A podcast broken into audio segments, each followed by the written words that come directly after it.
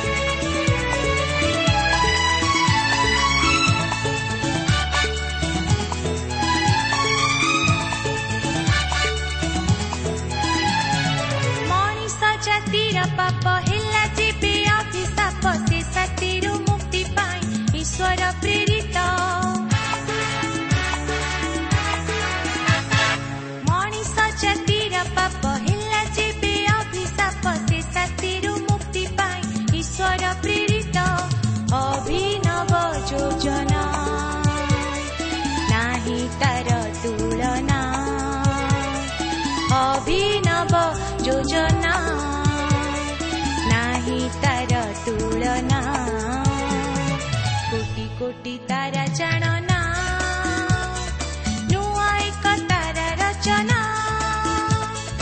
ଅଗଣିତ ଜନି ଶୁଣନା ବିନୟୀ ଜନ୍ମ ବୁଝନା ପ୍ରିୟ ଶ୍ରୋତା ବନ୍ଧୁ ଆଜିର ଏହି ଶୁଭ ଅବସରରେ ଆମମାନଙ୍କର ସୃଷ୍ଟିକର୍ତ୍ତା ତଥା ଉଦ୍ଧାରକର୍ତ୍ତା ନିତ୍ୟ ଜୀବିତ ପ୍ରଭୁ ଯୀଶୁଖ୍ରୀଷ୍ଟଙ୍କ ବହୁମୂଲ୍ୟ ନାମରେ ଶୁଭେଚ୍ଛା ଜଣାଏ ଆଜିର ଏହି ପଥ ପ୍ରଦର୍ଶିକା କାର୍ଯ୍ୟକ୍ରମରେ ଅଂଶ ହେବା ନିମନ୍ତେ ଆପଣଙ୍କୁ ସ୍ୱାଗତ କରେ।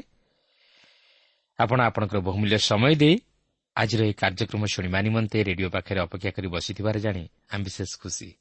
କେବଳ ସେତିକି ନୁହେଁ ଆପଣଙ୍କର ମତାମତ ତଥା ହୃଦୟସ୍ପର୍ଶୀ ସାକ୍ଷ୍ୟ ନିମନ୍ତେ ମଧ୍ୟ ବିଶେଷ ଧନ୍ୟବାଦ। ଆପଣଙ୍କର ଅନୁରୋଧ ରକ୍ଷା କରି ଆମେ ଆପଣଙ୍କ ନିମନ୍ତେ ଓ ଆପଣଙ୍କ ପରିବାର ପାଇଁ ପ୍ରାର୍ଥନା କରୁଅଛୁ। ଆଉ ସେହି ପ୍ରଭୁ ଯୀଶୁ ନିଶ୍ଚିତ ଭାବରେ ଆପଣଙ୍କର ସମସ୍ୟା ସମାଧାନ କରିବେ। ଆସନ୍ତାରେ ପ୍ରଭୁଙ୍କର ବାକ୍ୟ ମଧ୍ୟକୁ ଯିବା ପୂର୍ବରୁ ପ୍ରାର୍ଥନାର ସହିତ ପ୍ରଭୁଙ୍କର ବାକ୍ୟର ନିକଟବର୍ତ୍ତୀ ହେବା। ଆସନ୍ତୁ ପ୍ରାର୍ଥନା କରିବା। ପ୍ରିୟ ପବିତ୍ର ପ୍ରଭୁ ତୁମର ପବିତ୍ର ନାମର ଧନ୍ୟବାଦ କରୁଅଛୁ ଏହି ସୁନ୍ଦର ସମୟ ପାଇଁ ସୁନ୍ଦର ସୁଯୋଗ ପାଇଁ ତୁମର ଜୀବନ୍ତ ବାକ୍ୟ ପାଇଁ। ପ୍ରଭୁ ତୁମର ବାକ୍ୟ ମଧ୍ୟ ଦେଇ ତୁମେ ଆଜି ଆମମାନଙ୍କ ସହିତ କଥା କୁହ ଏବଂ ପ୍ରଭୁ ଆମମାନଙ୍କୁ ତୁମରି ପଥରେ କଢ଼ାଇ ନିଅ। ଆଜିର ଏହି କାର୍ଯ୍ୟକ୍ରମ ମଧ୍ୟ ଦେଇ ପ୍ରଭୁ ତୁମେ ଆମମାନଙ୍କୁ ତୁମର ସେହି ଶାନ୍ତି ଆନନ୍ଦକୁ ଉପଲବ୍ଧି କରିବା ପାଇଁ ସାହାଯ୍ୟ କର। ଶୟତାନର ସମସ୍ତ ପ୍ରକାର ବାଧା ବିଘ୍ନ ପ୍ରତିବନ୍ଧକୁ ତୁମେ ଏଡ଼ାଇ ଦିଅ। ଆମମାନଙ୍କୁ ଏକ ସରଳ ବିଶ୍ୱାସରୁ ହୃଦୟ ଦିଅ। ଯୀଶୁଙ୍କ ନାମରେ ମାଗୁଅଛୁ ଆମେନ୍ ଆସନ୍ତୁ ବର୍ତ୍ତମାନ ଆମେ ପ୍ରଭୁଙ୍କର ବାକ୍ୟ ମଧ୍ୟକୁ ଯିବା ଆଜି ଆମେ ପ୍ରଥମ ସାମୁଏଲ ପୁସ୍ତକ ତହିଁର ବାଇଶ ଓ ତେଇଶ ପର୍ବ ଦୁଇଟିକୁ ଅଧ୍ୟୟନ କରିବା ନିମନ୍ତେ ଯିବା ତେବେ ମୋର ଅନୁରୋଧ ଆପଣ ଆରମ୍ଭରୁ ଶେଷ ପର୍ଯ୍ୟନ୍ତ ଏହି କାର୍ଯ୍ୟକ୍ରମ ମନୋଯୋଗର ସହିତ ଶୁଣନ୍ତୁ। ଯଦି ମନରେ କିଛି ପ୍ରଶ୍ନ ଆସେ ତାହେଲେ ପତ୍ର ମାଧ୍ୟମରେ ଆମ ସହ ଯୋଗାଯୋଗ କରି ଆପଣଙ୍କର ପ୍ରଶ୍ନର ଉତ୍ତର ପାଇବା ନିମନ୍ତେ ଚେଷ୍ଟା କରନ୍ତୁ। ଏଠାରେ ଲକ୍ଷ୍ୟ କରିବାର ବିଷୟ ହେଉଛି ଯେ ଦାଉଦ ତାହାଙ୍କ ଜୀବନରେ ସାଉଲଙ୍କଠାରୁ ପ୍ରସ୍ଥାନ କରିବା ପରେ ସେ ଯେଉଁ ସଙ୍କଟମୟ ପରିସ୍ଥିତି ମଧ୍ୟ ଦେଇ ଗତି କରିଥିଲେ ଓ ଗୁମ୍ଫା ତଥା ଗୌହରମାନଙ୍କର ଅନୁଭୂତି ମଧ୍ୟ ଦେଇ ଗତି କରିଥିଲେ ତାହା ଏହି ବାଇଶ ପର୍ବଟି ପ୍ରକାଶ କରେ। ବାସ୍ତବରେ ଦାଉଦ ଏହି ସମୟରେ ଅତ୍ୟନ୍ତ ଭାଙ୍ଗି ପଡ଼ିଥିଲେ। ସେ ସାଉଲଙ୍କ ହସ୍ତରୁ ରକ୍ଷା ପାଇବା ନିମନ୍ତେ ଯାଇ ଅଦୁଲମ ଗୁମ୍ଫାରେ ବାସ କଲେ ଯାହାକି ଅତି ପାହାଡ଼ିଆ ଅଞ୍ଚଳ ଥିଲା। ଓ ଏହି ଗୁମ୍ଫା ସେହି ଜିରୁସାଲାମର ଦକ୍ଷିଣ ପଶ୍ଚିମ ଅଞ୍ଚଳରେ ଥିଲା ଯାହାକି ଫିଲିଷ୍ଟିଆ ଓ ହିବ୍ରୋଣର ମଧ୍ୟବର୍ତ୍ତୀ ଉପତ୍ୟକା ଥିଲା। ତେବେ ଦେଖନ୍ତୁ ବାଇଶ ପର୍ବର ପ୍ରଥମ ଦୁଇ ପଦରେ ଏହିପରି ଲେଖା ଅଛି ଏହେତୁ ଦାଉଦ ସେଠାରୁ ପ୍ରସ୍ଥାନ କରି ଅଦୁଲମ ଗୁମ୍ଫାକୁ ପଳାଇଲେ। ପୁଣି ତାଙ୍କର ଭ୍ରାତୃଗଣ ଓ ତାଙ୍କର ପିତୃଗୃହସ୍ଥ ସମସ୍ତେ ତାହା ଶୁଣନ୍ତେ ସେମାନେ ସେଠାକୁ ତାଙ୍କ କତିକି ଗଲେ। ଆଉ ପ୍ରତ୍ୟେକ କ୍ଲିଷ୍ଟ ଓ ପ୍ରତ୍ୟେକ ଋଣଗ୍ରସ୍ତ ଓ ପ୍ରତ୍ୟେକ ତିକ୍ତମନା ଲୋକ ତାଙ୍କ ନିକଟରେ ଏକତ୍ର ହେଲେ। ତହିଁରେ ସେ ସେମାନଙ୍କର ସେନାପତି ହେଲେ। ଏହି ରୂପେ ଉଣାଧିକ ଚାରିଶହ ଲୋକ ତାଙ୍କର ସଙ୍ଗୀ ହେଲେ। ଏଠାରେ ଆମେ ଦେଖୁଛୁ ଦାଉଦ ସେହି ଅଦୁଲମ ଗୁମ୍ଫାରେ ଥିବା ସମୟରେ ତିନି ଶ୍ରେଣୀର ଲୋକମାନେ ତାହାଙ୍କ ନିକଟକୁ ଆସିଥିଲେ। ତାଙ୍କର ସଙ୍ଗୀ ହେବା ନିମନ୍ତେ। ସେମାନେ ହେଲେ କ୍ଲିଷ୍ଟ ଋଣଗ୍ରସ୍ତ ଓ ତିକ୍ତମନା ଲୋକ ଓ ଏମାନେ ପ୍ରାୟ ଉଣାଧିକ ଚାରିଶହ ଲୋକ ଥିଲେ। ଏଠାରେ ଦାଉଦ ଓ ପ୍ରଭୁ ଶ୍ରୀଖ୍ରୀଷ୍ଟଙ୍କ ମଧ୍ୟରେ ଏକ ଚମତ୍କାର ତୁଳନାତ୍ମକ ବିଷୟ ଆମେ ଲକ୍ଷ୍ୟ କରିବାକୁ ପାରିବା ଯାହାକି ଦାଉଦଙ୍କର ପ୍ରାୟ ଦଶ ବର୍ଷର ଅଗ୍ରାହ୍ୟ ହେବାର ଅନୁଭୂତି ମଧ୍ୟରେ ପରିଲକ୍ଷିତ ହୁଏ। ଦାଉଦଙ୍କର ଏହି ସମୟର ଅନୁଭୂତି ବର୍ତ୍ତମାନର ପ୍ରଭୁ ଯୀଶୁଖ୍ରୀଷ୍ଟଙ୍କର ସ୍ଥିତି ସହିତ ତୁଳନୀୟ। ଆପଣ ମୁଁ ଯେଉଁ ସମୟରେ ବାସ କରୁଅଛୁ ଏହା ପ୍ରଭୁ ଯୀଶୁଖ୍ରୀଷ୍ଟଙ୍କୁ ଅଗ୍ରାହ୍ୟ ତଥା ଅସ୍ୱୀକାର କରେ। ଏହି ଜଗତ ପ୍ରଭୁ ଯୀଶୁଖ୍ରୀଷ୍ଟଙ୍କୁ ଘୃଣା କରେ ଓ ତାହାଙ୍କୁ ଅସ୍ୱୀକାର କରେ। ଯେପରିକି ଦାଉଦ ଜଣେ ପଶୁ ପରି ଶିକାର ହୋଇଥିଲେ। ସାଉଲ ତାହାଙ୍କର ଶତ୍ରୁ ଥିଲେ ଓ ସେହିପରି ଶୟତାନ ହେଉଛି ଆମମାନଙ୍କର ପ୍ରଧାନ ଶତ୍ରୁ। ସେଥିପାଇଁ ପ୍ରଥମ ପିତର ପାଞ୍ଚ ପର୍ବର ଆଠ ପଦରେ ଲେଖା ଅଛି ତୁମମାନଙ୍କ ବିପକ୍ଷ ଶୟତାନ ସିଂହ ପ୍ରାୟ ଗର୍ଜନ କରି କାହାକୁ ଗ୍ରାସିବ ଏହା ଖୋଜି ବୁଲୁଅଛି। ଦାଉଦ ମଧ୍ୟ ଏପରି କହନ୍ତି ମୋହର ପ୍ରାଣ ସିଂହମାନଙ୍କ ମଧ୍ୟରେ ଅଛି। ଆଜି ମଧ୍ୟ ଆମେ ସେହିପରି କହିପାରିବା ଯେ ଆମେ ମଧ୍ୟ ସିଂହମାନଙ୍କ ମଧ୍ୟରେ ଅଛୁ। କେଉଁ ମୁହୂର୍ତ୍ତରେ ଶୟତାନ ଆମକୁ କେଉଁପରି ଭାବରେ ଆକ୍ରମଣ କରିବ ତାହା ଆମେ ଜାଣୁନା। କିନ୍ତୁ ଏହି ଦିନମାନଙ୍କରେ ପ୍ରଭୁ ଯୀଶୁ ତାହାଙ୍କର ଲୋକମାନଙ୍କୁ ଆହ୍ୱାନ ଦିଅନ୍ତି ଓ ସେ ସେମାନଙ୍କୁ ଶୟତାନର ହସ୍ତରୁ ଉଦ୍ଧାର କରିବାକୁ ଚାହାନ୍ତି। ସେ ସେମାନଙ୍କୁ ଡାକନ୍ତି ଯେଉଁମାନେ କି କ୍ଲିଷ୍ଟ ଋଣଗ୍ରସ୍ତ ଓ ତିକ୍ତମନା ଲୋକ। ଯେପରି ସେ ସେମାନଙ୍କୁ ବିଶ୍ରାମ ଦେଇପାରନ୍ତି। ସେଥିପାଇଁ ମାଥ୍ୟୁ ଏଗାର ପର୍ବର ଅଠେଇଶ ପଦରେ ପ୍ରଭୁ ଯୀଶୁ ଏହିପରି ଆହ୍ୱାନ ଦିଅନ୍ତି ହେ ପରିଶ୍ରାନ୍ତ ଭାରଗ୍ରସ୍ତ ଲୋକ ସମସ୍ତେ ମୋ ନିକଟକୁ ଆସ ମୁଁ ତୁମମାନଙ୍କୁ ବିଶ୍ରାମ ଦେବି। ସେଦିନ ପ୍ରତ୍ୟେକ କ୍ଲିଷ୍ଟ ଋଣଗ୍ରସ୍ତ ଓ ତିକ୍ତମନା ଲୋକ ଦାଉଦଙ୍କ ନିକଟକୁ ଯାଇଥିଲେ ଯେପରି ସେମାନେ ଅନ୍ତତଃ ଦାଉଦଙ୍କଠାରୁ ସାହାଯ୍ୟ ଓ ସହାନୁଭୂତି ପାଇପାରନ୍ତି ଓ ସେମାନେ ଦାଉଦଙ୍କର ସଙ୍ଗୀ ହେଲେ। ବିଶେଷରେ ସାହୁଲଙ୍କ ସମୟରେ ଇସ୍ରାଏଲ୍ ସମାଜ ମଧ୍ୟରେ ଏହି ତିନି ଶ୍ରେଣୀର ଲୋକମାନଙ୍କର ଜୀବନ ଅତି ସଙ୍କଟାପନ୍ନ ଥିଲା ଯେଉଁମାନେ କ୍ଲିଷ୍ଟ ଅର୍ଥାତ୍ ଅତ୍ୟଧିକ ଦୁଃଖ ଦୁର୍ଦ୍ଦଶାଗ୍ରସ୍ତ ଥିଲେ ସେମାନେ ସାଉଲଙ୍କ ଦ୍ୱାରା ଅତ୍ୟାଚାରିତ ହେଉଥିଲେ। ଏପରିକି ଦାଉଦ ମଧ୍ୟ ତେଣୁକରି ଅନେକ ଏହିପରି ପରିସ୍ଥିତିରେ ଦାଉଦଙ୍କ ସହ ବନ୍ଧୁତ୍ୱ ସ୍ଥାପନ କରି ତାହାଙ୍କ ସହ ରହିବାକୁ ଚାହିଁଲେ। ଏପରିକି ଯେଉଁମାନେ ଋଣଗ୍ରସ୍ତ ସେମାନେ ମଧ୍ୟ ଦାଉଦଙ୍କ ନିକଟକୁ ଆସିଲେ। କାରଣ ସେହି ସମୟରେ ଯେଉଁମାନେ ଏହିପରି ଋଣଗ୍ରସ୍ତ ଥିଲେ ସେମାନେ ନିଜର ଧନ ସମ୍ପତ୍ତି ହରାଇବା ସହିତ ନିଜକୁ ଦାସ ରୂପେ ବିକ୍ରୟ କରୁଥିଲେ। ସେମାନେ ସୁରକ୍ଷା ପାଇବାକୁ ଥିଲା ମାତ୍ର ସେମାନଙ୍କୁ କେହି ସୁରକ୍ଷା ପ୍ରଦାନ କରୁନଥିଲେ। ଏପରିକି ରାଜା ସାଉଲ ମଧ୍ୟ ସୁରକ୍ଷା ପ୍ରଦାନ କରୁନଥିଲେ। ସେ ମୂଷାଙ୍କ ବ୍ୟବସ୍ଥାକୁ ମଧ୍ୟ ପ୍ରୟୋଗ କରୁନଥିଲେ। ଏପରିକି ଯେଉଁମାନେ ତିକ୍ତମନା ସେମାନେ ମଧ୍ୟ ଦାଉଦଙ୍କ ନିକଟକୁ ଆସି ତାହାଙ୍କର ଶରଣାପନ୍ନ ହେଲେ। ଏହାର ଅର୍ଥ ସେମାନେ ସାଉଲଙ୍କ ପ୍ରତି ତିକ୍ତମନା ଥିଲେ। କାରଣ ସେହି ସମୟର ବାତାବରଣ ଓ ପରିସ୍ଥିତି ତଥା ଅନୁଭୂତି ସେମାନଙ୍କୁ ସେହିପରି ତିକ୍ତତାର ଅନୁଭୂତି ମଧ୍ୟ ଦେଇ ଗତି କରିବାକୁ ଦେଇଥିଲା। ସେମାନେ କୌଣସି ପ୍ରକାରେ ଶାନ୍ତି ପାଇପାରୁନଥିଲେ କି ସୁରକ୍ଷା ମଧ୍ୟ ପାଉନଥିଲେ। ତେଣୁ ଏହି ପ୍ରକାରର ଲୋକମାନେ ଦାଉଦଙ୍କ ନିକଟକୁ ଆସି ଦାଉଦଙ୍କ ସହିତ ରହିଥିଲେ ଯେତେବେଳେ କି ଦାଉଦ ଅତ୍ୟାଚାରିତ ଓ ଅଗ୍ରାହ୍ୟ ହୋଇ ଅଦୁଲମ ଗୁମ୍ଫାରେ ବାସ କରୁଥିଲେ।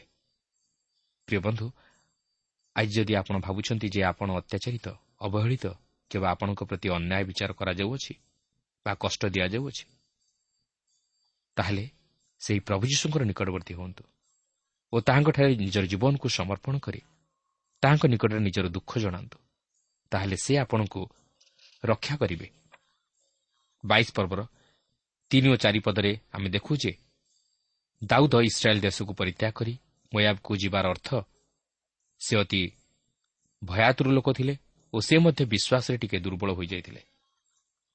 ଏହାପରେ ବାଇଶ ପର୍ବର ପାଞ୍ଚ ପଦରୁ ଆଠ ପଦ ମଧ୍ୟରେ ଆମେ ଦେଖୁ ଯେ ସାଉଲ ବର୍ତ୍ତମାନ କ୍ରୋଧାନ୍ୱିତ ହୋଇ ଓ ତାଙ୍କର ନିଜ ଲୋକମାନଙ୍କଠାରୁ ପ୍ରତାରିତ ହୋଇ ଅତ୍ୟାଚାରୀର ମନୋଭାବ ପୋଷଣ କରିଅଛନ୍ତି। କିନ୍ତୁ ସେମାନଙ୍କ ମଧ୍ୟରେ ଜଣେ ଥିଲା ଯିଏକି ଦାଉଦଙ୍କର ଗମନର ପଥ ଜାଣିଥିଲା ସେ ସାଉଲଙ୍କୁ ସେହି ସମସ୍ତ ଜଣାଇଲା। ସେହି ବ୍ୟକ୍ତିକୁ ଆମେ ପୂର୍ବରୁ ମଧ୍ୟ ଦେଖିଛୁ। ସେ ସେହି ସମାଗମ ତମ ମଧ୍ୟରେ ଥିଲା। ଯେତେବେଳେ ଦାଉଦ ଓ ତାହାଙ୍କ ସଙ୍ଗୀମାନେ ସେହି ଦର୍ଶନୀ ରୋଟି ଭୋଜନ କରୁଥିଲେ। ଆଉ ସେହି ବ୍ୟକ୍ତି ହେଉଛି ଇଦୋମିୟ ଦୋଏଗ୍।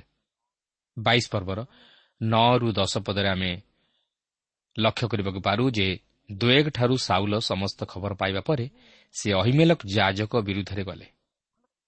ଏହାପରେ ବାଇଶ ପର୍ବର ଏଗାରରୁ ଚଉଦ ପଦ ମଧ୍ୟରେ ଆମେ ଦେଖୁ ଯେ ଅହିମେଲକ କାହିଁକି ଦାଉଦଙ୍କୁ ସାହାଯ୍ୟ କଲେ ଏହି ପ୍ରଶ୍ନ ସାଉଲ ଅହିମେଲକକୁ କରିବା ଦ୍ୱାରା ଅହିମେଲକ ତାଙ୍କୁ ସତକଥା ଜଣାଇ ଦେଉଛନ୍ତି। ଦାଉଦ ଯେ ତାହାଙ୍କ ପ୍ରତି ବିଶ୍ୱାସଘାତକତା କରିନାହାନ୍ତି ଓ ବିଶ୍ୱସ୍ତ ଅଟନ୍ତି ତାହା ସେ ଜଣାଇ ଦିଅନ୍ତି। କିନ୍ତୁ ପରେ ଦାଉଦ ଅହିମେଲକଙ୍କ ପ୍ରତି ପ୍ରତାରଣା କରିଥିବା ହେତୁ ବହୁତ ଦୁଃଖ କଲେ। ଏହାପରେ ବାଇଶ ପର୍ବର ପନ୍ଦରରୁ ସତର ପଦ ମଧ୍ୟରେ ଆମେ ଦେଖୁ ଯେ ସାଉଲ ଏତେ ଦୂର କ୍ରୋଧରେ ପରିପୂର୍ଣ୍ଣ ଥିଲେ ଯେ ସେ ଅହିମେଲକଙ୍କର କୌଣସି କଥା ଶୁଣିବାକୁ ପ୍ରସ୍ତୁତ ନଥିଲେ ଶେଷରେ ସେ ଅହିମେଲକଙ୍କୁ ବଧ କରିବା ନିମନ୍ତେ ତାହାଙ୍କର ଲୋକମାନଙ୍କୁ କହିଲେ ମାତ୍ର ସେମାନେ ତାହା କରିବା ନିମନ୍ତେ ପଶ୍ଚାତପଦ ହେବାରୁ ସେ ଦୋଏଗ୍କୁ ତାହା କରିବା ନିମନ୍ତେ କହିଲେ ଓ ଦୋଏଗ୍ ସେହି ଜଘନ୍ୟ ତଥା ନୃଶଂସ କାର୍ଯ୍ୟ କଲା। ଏହାପରେ ବାଇଶ ପର୍ବର ଅଠର ପଦରେ ଆମେ ଦେଖୁ ଯେ ଏହା ଏକ ଜଘନ୍ୟ କାର୍ଯ୍ୟ ଥିଲା ଯାହାକି ସାଉଲଙ୍କ ଦ୍ୱାରା ଘଟିଲା।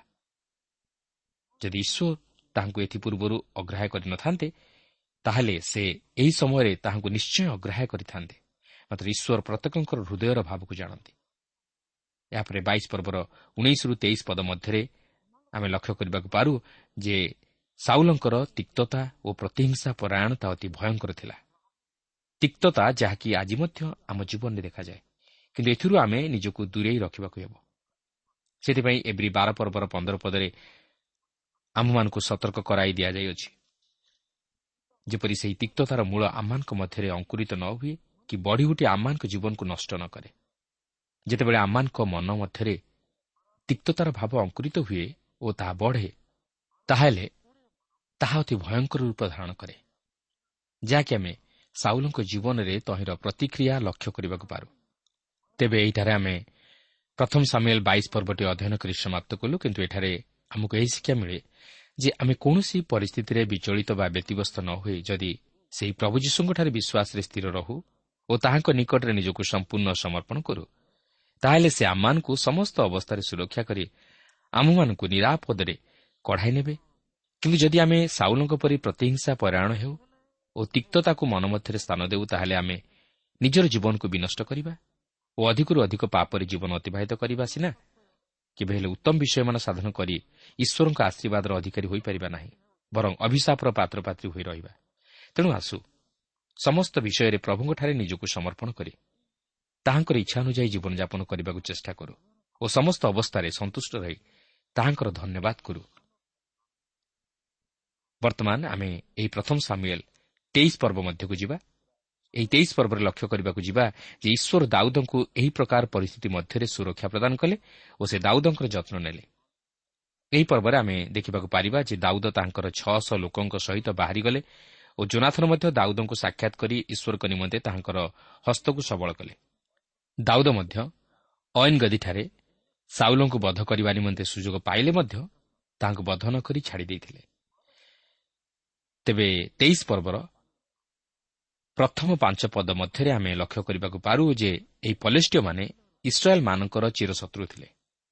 ସେମାନେ କିଲାକୁ ଇସ୍ରାଏଲ୍ ସନ୍ତାନଗଣର ଖଳାରୁ ଶସ୍ୟ ନେଇଯାଉଥିଲେ କିନ୍ତୁ ଏଠାରେ ଏକ ଚମତ୍କାର ବିଷୟ ଆପଣ ଲକ୍ଷ୍ୟ କରିବେ ଯେ ଦାଉଦ ସେହି ପଲେଷ୍ଟିୟମାନଙ୍କ ସହିତ ଯୁଦ୍ଧ କରିବାକୁ ଯିବା ପୂର୍ବରୁ ଈଶ୍ୱରଙ୍କ ଇଚ୍ଛା ଲୋଡ଼ିଥିଲେ। ପ୍ରକୃତରେ ଈଶ୍ୱରଙ୍କ ଇଚ୍ଛା କ'ଣ ତାହା ସେ ଜାଣିବାକୁ ଚାହିଁଥିଲେ। ସେ ଈଶ୍ୱରଙ୍କ ଇଚ୍ଛା ବିହୁନେ କୌଣସି କାର୍ଯ୍ୟ କରିବାକୁ ଚାହିଁନଥିଲେ। ଦେଖନ୍ତୁ ଯଦିଓ ଦାଉଦ ସାଉଲଙ୍କୁ ଭୟ କରି ନିଜକୁ ଲୁଚାଇବାକୁ ଚେଷ୍ଟା କରୁଥିଲେ ମାତ୍ର ସେ ଏହିପରି ଘଡ଼ିଛନ୍ତି ମୁହୂର୍ତ୍ତରେ ସେହି କିଲା ନିବାସୀମାନଙ୍କୁ ପଲିଷ୍ଟିୟମାନଙ୍କ ହସ୍ତରୁ ଉଦ୍ଧାର କରିବା ନିମନ୍ତେ ପଛଘୁଞ୍ଚା ଦେଇନଥିଲେ କାରଣ ସେହି କିଲା ନିବାସୀମାନେ ଇସ୍ରାଏଲୀୟ ଲୋକ ଅର୍ଥାତ୍ ଈଶ୍ୱରଙ୍କ ମନୋନୀତ ଲୋକ ଥିଲେ। ତେଣୁକରି ଦାଉଦ ସେମାନଙ୍କୁ ଶତ୍ରୁର ଦୌରାତ୍ମରୁ ଉଦ୍ଧାର କରିବାକୁ ଚାହିଁଥିଲେ। କିନ୍ତୁ ଏଠାରେ ଲକ୍ଷ୍ୟ କରିବାର ବିଷୟ ହେଉଛି ଯେତେବେଳେ ସାଉଲ ଶୁଣିବାକୁ ପାରିଲେ ଯେ ଦାଉଦ ଓ ତାଙ୍କର ସଙ୍ଗୀମାନେ ସେହି ପ୍ରାଚୀର ବେଷ୍ଟିତ ନଗର ମଧ୍ୟରେ ଅଛନ୍ତି ସେତେବେଳେ ସେ ଦାଉଦଙ୍କୁ ଧରିବା ନିମନ୍ତେ ତାଙ୍କର ଲୋକମାନଙ୍କୁ ପଠାଇଲେ। ମାତ୍ର ଦାଉଦ ପୁନର୍ବାର ପ୍ରଭୁଙ୍କର ଇଚ୍ଛା ଲୋଡ଼ିବାକୁ ଯାଇ ତାହାଙ୍କୁ ସେହି ସ୍ଥାନ ଛାଡ଼ି ପ୍ରସ୍ଥାନ କରିବାକୁ ହେବ କି ନାହିଁ ତାହା ପଚାରିଥିଲେ ଓ ସଦାପ୍ରଭୁ ମଧ୍ୟ ତାହାଙ୍କୁ ସେହି ସ୍ଥାନ ଛାଡ଼ି ଚାଲିଯିବା ପାଇଁ କହିଥିଲେ କାରଣ ଯଦିଓ ସେ କିଲା ନିବାସୀମାନଙ୍କୁ ଶତ୍ରୁର ହସ୍ତରୁ ଉଦ୍ଧାର କରିଥିଲେ ମାତ୍ର ସେମାନେ ଯେ ଦାଉଦଙ୍କୁ ସାଉଲଙ୍କ ହସ୍ତରୁ ରକ୍ଷା କରିବା ନିମନ୍ତେ ମନୋଯୋଗ କରିବେ ନାହିଁ ଏହା ଈଶ୍ୱର ଦାଉଦଙ୍କୁ ଜଣାଇ ଦେଇଥିଲେ। ଚିନ୍ତା କରିପାରୁଛନ୍ତି? ଦାଉଦ କେଉଁ ପ୍ରକାର ପରିସ୍ଥିତି ମଧ୍ୟ ଦେଇ ଗତି କରୁଥିଲେ? ସେ ଯେଉଁମାନଙ୍କୁ ଶତ୍ରୁର ହସ୍ତରୁ ଉଦ୍ଧାର କରିଥିଲେ ସେମାନେ ତାହାଙ୍କୁ ସାହାଯ୍ୟ କରିପାରିଲେ ନାହିଁ। ତାଙ୍କ ଜୀବନ ବିପନ୍ନ ଅବସ୍ଥାରେ ଥିଲେ ମଧ୍ୟ ସେ ନିଜ ଲୋକମାନଙ୍କୁ ଉଦ୍ଧାର କରିବା ନିମନ୍ତେ ପଛଘୁଞ୍ଚା ଦେଇନଥିଲେ ସେ ନିଜେ ସମସ୍ୟା ମଧ୍ୟ ଦେଇ ଗତି କଲେ ମଧ୍ୟ ତାଙ୍କର ନିଜ ଲୋକମାନଙ୍କୁ ସମସ୍ୟାରେ ପଡ଼ିବାକୁ ଦେଇନଥିଲେ। ଏଥିରୁ ଦାଉଦଙ୍କର ରାଜା ହେବାର ଯୋଗ୍ୟତା ଜଣାଯାଏ। ଆଜି ମଧ୍ୟ ସେହିପରି ଆମମାନଙ୍କର ପ୍ରଭୁ ଯୀଶୁଖ୍ରୀଷ୍ଟ ଏହି ଜଗତ ମଧ୍ୟରେ ଅଗ୍ରାହ୍ୟ ହେଲେ ମଧ୍ୟ ଲୋକେ ତାହାଙ୍କର ଲୋକମାନଙ୍କୁ ବା ଦାସଦାସୀ ତଥା ସେବକ ସେବିକାମାନଙ୍କୁ ଘୃଣା କଲେ ମଧ୍ୟ ସେ ତାଙ୍କର ଲୋକମାନଙ୍କୁ ପ୍ରେମ କରନ୍ତି। ସେ ସମଗ୍ର ମାନବ ଜାତିକୁ ପ୍ରେମ କରନ୍ତି। ସେ ତାଙ୍କର ଲୋକମାନଙ୍କୁ ସମସ୍ୟା ମଧ୍ୟରୁ ଉଦ୍ଧାର କରିବାକୁ ଚାହାନ୍ତି। ସେ ନିଜେ ଅଗ୍ରାହ୍ୟ ହେଲେ ମଧ୍ୟ କାହାକୁ ଅଗ୍ରାହ୍ୟ କରନ୍ତି ନାହିଁ। କିନ୍ତୁ ଆମେ କ'ଣ ତାହାଙ୍କୁ ଆମ ଜୀବନରେ ସ୍ଥାନ ଦେଇଛୁ କି? ଏହାପରେ ତେଇଶ ପର୍ବର ଛଅ ପଦରୁ ତେର ପଦ ମଧ୍ୟରେ ଆମେ ଲକ୍ଷ୍ୟ କରୁଅଛୁ ଯେ ସାଉଲ ଯେ ତାହାଙ୍କୁ ଧରିବାକୁ ଆସୁଅଛନ୍ତି ଏହା ଜାଣିପାରି ଦାଉଦ ଈଶ୍ୱରଙ୍କ ଇଚ୍ଛା ଲୋଡ଼ି ସେହି ସ୍ଥାନ ଛାଡ଼ି ଯେଉଁଠାକୁ ଯାଇପାରନ୍ତି ସେଠାକୁ ଗଲେ ଏହିଠାରେ ଦାଉଦଙ୍କର ଲୋକମାନେ ଛିନ୍ନ ଭିନ୍ନ ହୋଇଗଲେ। ସେମାନେ ଶୃଙ୍ଖଳିତ ଭାବେ ଯାତ୍ରା କରିପାରିଲେ ନାହିଁ। ଏହାପରେ ତେଇଶ ପର୍ବର ଚଉଦରୁ ଷୋହଳ ପଦ ମଧ୍ୟରେ ଆମେ ଦେଖୁ ଯେ ଜୋନାଥନ ଦାଉଦଙ୍କ ପ୍ରତି କେତେ ବିଶ୍ୱସ୍ତ ଓ ସତ୍ୟ ଭାବରେ ଆଚରଣ କରୁଥିଲେ। ସେମାନଙ୍କ ପରସ୍ପର ମଧ୍ୟରେ କେତେ ସୁନ୍ଦର ବନ୍ଧୁତା ସ୍ଥାପନ ହୋଇଥିଲା। ଜୋନାଥନ ଦାଉଦଙ୍କୁ ଉତ୍ସାହ ଦିଅନ୍ତି। ସେ ଈଶ୍ୱରଙ୍କଠାରେ ତାହାଙ୍କର ହସ୍ତକୁ ସବଳ କରନ୍ତି। ଅର୍ଥାତ୍ ଈଶ୍ୱରଙ୍କ କାର୍ଯ୍ୟ ନିମନ୍ତେ ଓ ଈଶ୍ୱରଙ୍କ ଉଦ୍ଦେଶ୍ୟକୁ ସଫଳ କରିବା ନିମନ୍ତେ ନିଜର ହସ୍ତକୁ ସବଳ କରନ୍ତି। ଆଜି ଆମମାନଙ୍କ ହସ୍ତ କ'ଣ କରୁଅଛି? ଆଜି ଆମମାନଙ୍କର ହସ୍ତ କ'ଣ ଈଶ୍ୱରଙ୍କ ମହତ ଉଦ୍ଦେଶ୍ୟ ସାଧନ କରିବାରେ ବ୍ୟବହୃତ ହୋଇପାରୁଛି କି? ଆଜି ଆମମାନଙ୍କର ହସ୍ତ କ'ଣ ଈଶ୍ୱରଙ୍କ କାର୍ଯ୍ୟ ସାଧନ କରିପାରୁଛି କି? ଆଜି ଆମମାନଙ୍କର ହସ୍ତ କ'ଣ ନ୍ୟାୟସଙ୍ଗତ କାର୍ଯ୍ୟରେ ଲିପ୍ତ କି? ଆଜି ଆମମାନଙ୍କର ହସ୍ତ ଈଶ୍ୱରଙ୍କ ସପକ୍ଷରେ ନା ଶୟତାନର ସପକ୍ଷରେ? ଆଜି ଆମମାନଙ୍କ ହସ୍ତ ଈଶ୍ୱରଙ୍କ ଲୋକମାନଙ୍କ ପକ୍ଷରେ? ନା ଶୈତାନର ପକ୍ଷରେ। ଆଜି ଆମମାନଙ୍କର ହସ୍ତ ନ୍ୟାୟକୁ ସମର୍ଥନ କରେ ନା ଅନ୍ୟାୟକୁ ସମର୍ଥନ କରେ? ଜୋନାଥନ ଯଦିଓ ସାଉଲଙ୍କ ପୁତ୍ର ଥିଲେ ଓ ସାଉଲଙ୍କ ପୁତ୍ର ହିସାବରେ ସାଉଲଙ୍କ ପରେ ସେହି ରାଜସିଂହାସନର ଅଧିକାରୀ ହେବା ନିମନ୍ତେ ଯଦିଓ ତାହାଙ୍କର ସୁଯୋଗ ଥିଲା ମାତ୍ର ତଥାପି ସେ ନିଜର ପିତାଙ୍କର ପାପମୟ କାର୍ଯ୍ୟକୁ ସମର୍ଥନ କରିନଥିଲେ କି ନିଜର ପିତାଙ୍କ ସପକ୍ଷରେ ହସ୍ତ ଉଠାଇ ନଥିଲେ କି ଅନ୍ୟାୟକୁ ସମର୍ଥନ କରିନଥିଲେ ସେ ଜାଣିଥିଲେ ଦାଉଦ ରାଜା ହେବାର ଯଥେଷ୍ଟ ସୁଯୋଗ ରହିଅଛି। ତଥାପି ସେ ଦାଉଦଙ୍କ ପ୍ରତି ହିଂସା କରିନଥିଲେ କି ତାହାଙ୍କ ବିରୁଦ୍ଧରେ ହସ୍ତ ଉଠାଇ ନଥିଲେ। ମାତ୍ର ତହିଁ ପରିବର୍ତ୍ତେ ସେ ଦାଉଦଙ୍କ ସପକ୍ଷରେ ଛିଡ଼ା ହୋଇଥିଲେ ଓ ଦାଉଦଙ୍କୁ ସାଉଲଙ୍କ ହସ୍ତରୁ ଉଦ୍ଧାର କରିବାକୁ ଚାହିଁଥିଲେ। ବାସ୍ତବରେ ଜୁନାଥନଙ୍କର ଦାଉଦଙ୍କ ପ୍ରତି କି ଚମତ୍କାର ପ୍ରେମ ସାହାଯ୍ୟ ଓ ସହାନୁଭୂତିର ହୃଦୟ ଥିଲା। ତାହାଙ୍କର କୌଣସି ପ୍ରକାର ଛଳନା ବା ସ୍ୱାର୍ଥପରତାର ମନୋଭାବ ପ୍ରକାଶ ପାଇନଥିଲା ଏଠାରେ ମଧ୍ୟ ଆମେ ଦେଖୁଛୁ ଯେ ସେ ପୁନର୍ବାର ଦାଉଦଙ୍କୁ ସାଉଲଙ୍କ ହସ୍ତରୁ ରକ୍ଷା କରିବାକୁ ଯାଉଅଛନ୍ତି। ବାଇଶ ପର୍ବର ସତର ଅଠର ପଦରେ ଲେଖା ଅଛି ତେଣୁ ରାଜା ଆପଣ ଚତୁର୍ଦିଗରେ ଠିଆ ହୋଇଥିବା ଧୌଡ଼ିଆମାନଙ୍କୁ କହିଲେ ତୁମେମାନେ ଫେରି ସଦାପ୍ରଭୁଙ୍କ ଯାଜକମାନଙ୍କୁ ବଧ କର। କାରଣ ଦାଉଦ ପକ୍ଷରେ ସେମାନଙ୍କର ମଧ୍ୟ ହସ୍ତ ଅଛି। ଆଉ ସେମାନେ ଦାଉଦର ପଳାଇବା କଥା ଜାଣିଲେ ହେଁ ତାହା ମୁହଁର କର୍ଣ୍ଣଗୋଚର କଲେ ନାହିଁ। ମାତ୍ର ରାଜାଙ୍କର ଦାସମାନେ ସଦାପ୍ରଭୁଙ୍କ ଯାଜକମାନଙ୍କୁ ଆକ୍ରମଣ କରିବା ପାଇଁ ହସ୍ତ ବଢ଼ାଇବାକୁ ଅସମତ ହେଲେ। ଏଣୁ ରାଜା ଦୋଏଗକୁ କହିଲେ ତୁମ୍ଭେ ଫେରି ଏହି ଯାଜକମାନଙ୍କୁ ଆକ୍ରମଣ କର। ତହିଁରେ ଇଦୋମିୟ ଦୋଏଗ ଫେରି ଯାଜକମାନଙ୍କୁ ଆକ୍ରମଣ କଲା ଓ ସେହିଦିନ ସେ ଶୁକ୍ଳ ଏଫୋଦ ପରିଧାନକାରୀ ପଞ୍ଚାଅଶୀ ଜଣଙ୍କୁ ବଦ୍ଧ କଲା। ସଂକ୍ଷେପରେ କହିବାକୁ ଗଲେ ଜୋନାଥନ ଦାଉଦଙ୍କୁ କହନ୍ତି ଯେ ସାଉଲ ଜାଣନ୍ତି କ'ଣ ଘଟିବାକୁ ଯାଉଅଛି କିନ୍ତୁ ସେ ଏଥିନିମନ୍ତେ ଯୁଦ୍ଧ କରିବାକୁ ଚାହାନ୍ତି। ସେ ଜାଣନ୍ତି ଦାଉଦ ଇସ୍ରାଏଲ ଉପରେ ରାଜା ହେବାକୁ ଯାଉଅଛନ୍ତି ଓ ମୁଁ ଯେ ଦ୍ୱିତୀୟ ହେବି ଏହା ମଧ୍ୟ ସେ ଜାଣନ୍ତି। ବାସ୍ତବରେ ସାଉଲ ତାହା ଜାଣି ମଧ୍ୟ ଈଶ୍ୱରଙ୍କ ଇଚ୍ଛା ବିରୁଦ୍ଧରେ ଯାଉଥିଲେ ଓ ସେ ଦାଉଦଙ୍କୁ ବଧ କରିବାକୁ ଚାହୁଁଥିଲେ। ସେ ଚାହୁଁନଥିଲେ ଦାଉଦ ଇସ୍ରାଏଲ୍ ଉପରେ ରାଜା ହୁଅନ୍ତୁ କିନ୍ତୁ ଏହା ଈଶ୍ୱରଙ୍କ ଇଚ୍ଛା ଥିଲା ଯେପରି ଦାଉଦ ଇସ୍ରାଏଲ୍ ଉପରେ ରାଜା ହେବେ। ତେଣୁ ସାଉଲ ଦାଉଦଙ୍କ ପ୍ରତି ହିଂସା କରି ତାଙ୍କ ବିରୁଦ୍ଧରେ ଉଠିବାରୁ ସେ ଈଶ୍ୱରଙ୍କର ବିଦ୍ରୋହାଚରଣ କରିଥିଲେ କାରଣ ସେ ଈଶ୍ୱରଙ୍କ ଇଚ୍ଛା ବିରୁଦ୍ଧରେ ଛିଡ଼ା ହୋଇଥିଲେ। କିନ୍ତୁ ଏପଟେ ଜୋନାଥନ ଈଶ୍ୱରଙ୍କ ଇଚ୍ଛାକୁ ସଫଳ କରିବାକୁ ଚାହିଁଥିଲେ ଓ ଈଶ୍ୱରଙ୍କ ଇଚ୍ଛା ଯେ ସଫଳ ହେଉ ଏହା ସେ ଚାହୁଁଥିଲେ। ତେଣୁକରି ସେ ଦାଉଦଙ୍କୁ ତାହା ଜଣାଇ ତାହାଙ୍କୁ ସାନ୍ତ୍ୱନା ପ୍ରଦାନ କରିଥିଲେ। ଜୋନାଥନ ଯେ ପ୍ରକୃତିରେ ଜଣେ ମହାନ ଲୋକ ତାହା ତାହାଙ୍କର କାର୍ଯ୍ୟ ଦ୍ୱାରା ଜଣାଯାଏ। ତେଇଶ ପର୍ବର ଉଣେଇଶ ପଦରେ ଆମେ ଦେଖୁ ଯେ ସାଉଲ ଦାଉଦଙ୍କୁ ବଧ କରିବା ନିମନ୍ତେ ଦୃଢ଼ ପରିକର ଆଉ ଏପରି ସମୟରେ ସିଫିଓମାନେ ଆସି ଦାଉଦଙ୍କୁ ସାଉଲଙ୍କ ହସ୍ତରେ ସମର୍ପଣ କରାଇବା ନିମନ୍ତେ ପ୍ରତିଶ୍ରୁତି ଦେଉଛନ୍ତି ଶୈତାନ ମଧ୍ୟ ଅତି ଚତୁର। ସେ ଈଶ୍ୱରଙ୍କ ଯୋଜନା ସଫଳ ହେବାକୁ ସୁଯୋଗ ଦିଏ ନା ସେ ତହିଁରେ ପ୍ରତିବନ୍ଧକ ସୃଷ୍ଟି କରେ। ଏକ ସାଧାରଣ ବିଷୟ ଆପଣ ଅନୁଭବ କରିଥିବେ ଆପଣ ଯେକୌଣସି ଉତ୍ତମ ବିଷୟ ସାଧନ କରିବା ନିମନ୍ତେ ଚେଷ୍ଟା କରନ୍ତି ତହିଁରେ ନାନା ପ୍ରକାର ପ୍ରତିବନ୍ଧକ ସୃଷ୍ଟି ହୁଏ। ମାତ୍ର କୌଣସି ମନ୍ଦ ବିଷୟ ଅତି ସହଜରେ ସାଧିତ ହୋଇଥାଏ। ଏହାର କାରଣ କ'ଣ? ଶୟତାନ ଏହାର ପଛରେ ରହିଥାଏ। ତେବେ ତେଇଶ ପର୍ବର କୋଡ଼ିଏରୁ ପଚିଶ ପଦରେ ଆମେ ଦେଖୁ ଯେ ସାଉଲ ଦାଉଦଙ୍କର ସନ୍ଧାନ ପାଇବା ନିମନ୍ତେ ସେହି ସିଫିଓମାନଙ୍କୁ ଚର ରୂପେ ପଠାଇଥିଲେ ମାତ୍ର ସେମାନଙ୍କର ଆଗମନର ସମ୍ବାଦ ପାଇ ଦାଉଦଙ୍କୁ ଜଣାଇ ଦିଆଯାଆନ୍ତେ। ଦାଉଦ ସେହି ହଖିଲା ପର୍ବତର ବଣରୁ ବାହାରି ଆସି ମାୟୋନ୍ ପ୍ରାନ୍ତରେ ରହିଲେ। ମାତ୍ର ସାଉଲ ଖବର ପାଇ ମାୟୋନ୍ ପ୍ରାନ୍ତରରେ ଦାଉଦଙ୍କର ପିଛା କଲେ।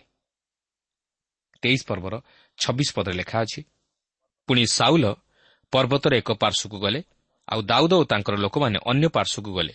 ତେଣୁ ଦାଉଦ ସାଉଲଙ୍କ ଭୟରୁ ପଳାଇବାକୁ ଚଞ୍ଚଳ ହେଲେ।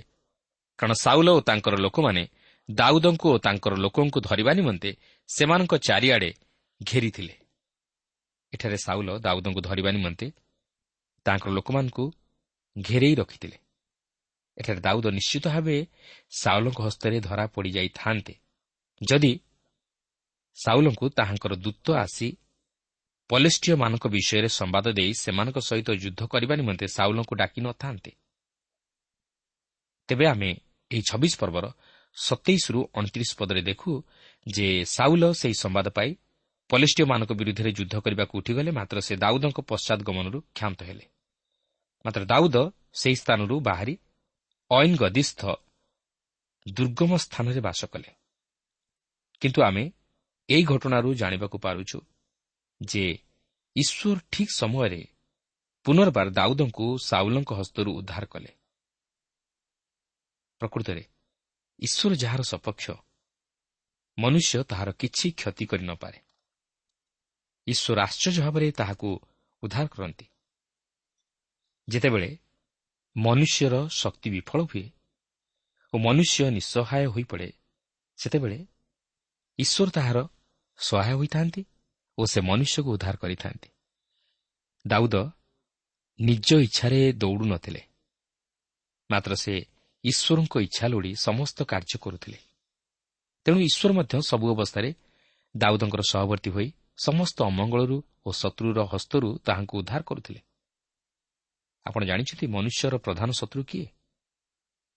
ମନୁଷ୍ୟ ହେଉଛି ମନୁଷ୍ୟର ପ୍ରଧାନ ଶତ୍ରୁ। ଆପଣ ଏକ ହିଂସ୍ର ଜନ୍ତୁର କବଳରୁ ଉଦ୍ଧାର ପାଇଯିବେ। ମାତ୍ର ଏକ ମନୁଷ୍ୟ ଯଦି ଆପଣଙ୍କ ପିଛା କରେ ବା ଆପଣଙ୍କ ସହିତ ଶତ୍ରୁତା କରେ ତାହେଲେ ତାହାର କବଳରୁ ଉଦ୍ଧାର ପାଇବା ବଡ଼ କଷ୍ଟକର। ଯେପର୍ଯ୍ୟନ୍ତ ଈଶ୍ୱରଙ୍କର ସେହି ବଳବନ୍ତ ବାହୁ ଆପଣଙ୍କ ସପକ୍ଷରେ କାର୍ଯ୍ୟ ସାଧନ ନ କରିଛି ପ୍ରିୟ ବନ୍ଧୁ ଆପଣ କାହା ଉପରେ ନିର୍ଭର କରନ୍ତି? କ'ଣ ମନୁଷ୍ୟ ଉପରେ? ଆପଣ କାହାକୁ ଭୟ କରନ୍ତି? କ'ଣ ମନୁଷ୍ୟକୁ? କିନ୍ତୁ ମୁଁ କହି ରଖେ ଆପଣ ମନୁଷ୍ୟ ଉପରେ ନିର୍ଭର କରନ୍ତୁ ନାହିଁ କି ମନୁଷ୍ୟକୁ ଭୟ କରନ୍ତୁ ନାହିଁ। ମାତ୍ର ଈଶ୍ୱରଙ୍କ ଉପରେ ନିର୍ଭର ରଖନ୍ତୁ ଓ ଈଶ୍ୱରଙ୍କୁ ଭୟ କରନ୍ତୁ। ତାହେଲେ ସେ ଆପଣଙ୍କୁ ସମସ୍ତ ବିପଦରୁ ଉଦ୍ଧାର କରିବେ। କିନ୍ତୁ ଏହା କେତେବେଳେ ଆପଣଙ୍କ ଜୀବନରେ ସଫଳ ହୋଇପାରିବ? ଯେତେବେଳେ ଆପଣ ଖ୍ରୀଷ୍ଟଙ୍କଠାରେ ବିଶ୍ୱାସ କରି ତାହାଙ୍କୁ ନିଜ ହୃଦୟରେ ସ୍ଥାନ ଦେବେ ସେତେବେଳେ ସମ୍ଭବ ହୋଇପାରିବ। ତେଣୁ ଜୀବନର ପ୍ରତିଟି ପଦକ୍ଷେପରେ ପ୍ରତିଟି ପରିସ୍ଥିତିରେ ଏବଂ ପ୍ରତ୍ୟେକ ସମୟରେ ଆପଣ ପ୍ରଭୁଙ୍କ ଉପରେ ନିର୍ଭର କରନ୍ତୁ। ତାହାଙ୍କର ଇଚ୍ଛା ଲୋଡ଼ି ସମସ୍ତ କାର୍ଯ୍ୟ କରନ୍ତୁ। ତାହାଙ୍କୁ ସନ୍ତୁଷ୍ଟ କଲା ଭଳି କାର୍ଯ୍ୟ କରନ୍ତୁ। ତାହେଲେ ସେ ଆପଣଙ୍କର ସପକ୍ଷ ହେବେ। ଆଉ ଈଶ୍ୱର ଯେତେବେଳେ ଆପଣଙ୍କର ସପକ୍ଷ ହେବେ ସେତେବେଳେ ଆପଣଙ୍କର ବିପକ୍ଷ କିଛି କ୍ଷତି କରିପାରିବେ ନାହିଁ। ମନୁଷ୍ୟ ମନୁଷ୍ୟର କ୍ଷତି କରିପାରେ ମାତ୍ର ଈଶ୍ୱର ତାହାକୁ ରକ୍ଷା କରିବେ। ତେଣୁ ଆସନ୍ତୁ।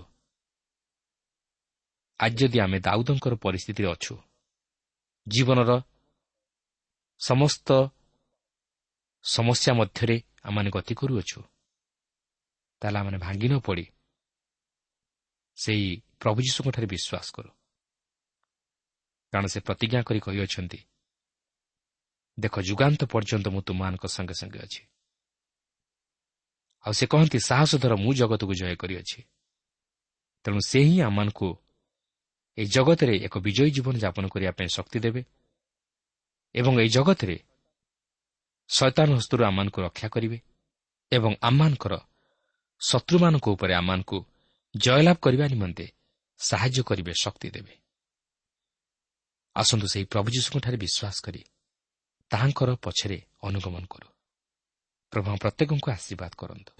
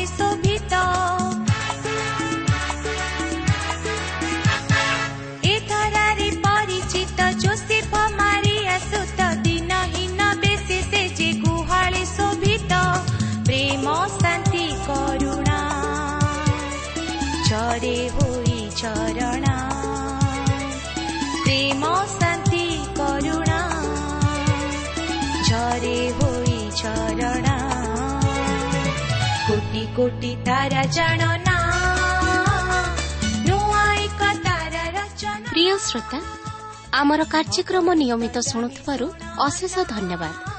ଆପଣ ଏହି କାର୍ଯ୍ୟକ୍ରମ ଶୁଣିବା ଦ୍ୱାରା ଆତ୍ମିକ ଜୀବନରେ ଉପକୃତ ହୋଇପାରିଥିବେ ବୋଲି ଆମର ବିଶ୍ୱାସ। ପ୍ରଭୁ ଯୀଶୁଙ୍କ ବିଷୟରେ ଅଧିକ ଜାଣିବାର ଆଗ୍ରହ ଥିଲେ ଅଥବା ଉପାଦେୟ ପୁସ୍ତକର ଆବଶ୍ୟକ ଥିଲେ ଆମ ସହ ଯୋଗାଯୋଗ କରନ୍ତୁ। ଆମର ଠିକଣା ପଥ ପ୍ରଦର୍ଶିକା trans world radio India post box number তিন তিন ভুবনেশ্বর সাত পাঁচ এক শূন্য শূন্য এক। Mobile number nine seven double seven double two one four one five. ঠিকনাটি আউথরে শুণন্তু পথ প্রদর্শিকা trans world radio India post box number three three Bhubaneswar seven five one zero zero one. Mobile number nine seven double seven double two one four one five. ଆମର email ଆଡ୍ରେସ୍ଟି ଲେଖି ରଖନ୍ତୁ Odia TTV at radio eight eight two dot com ତେବେ ଆଜି ପାଇଁ ବିଦାୟ ଦିଅନ୍ତୁ। ନମସ୍କାର।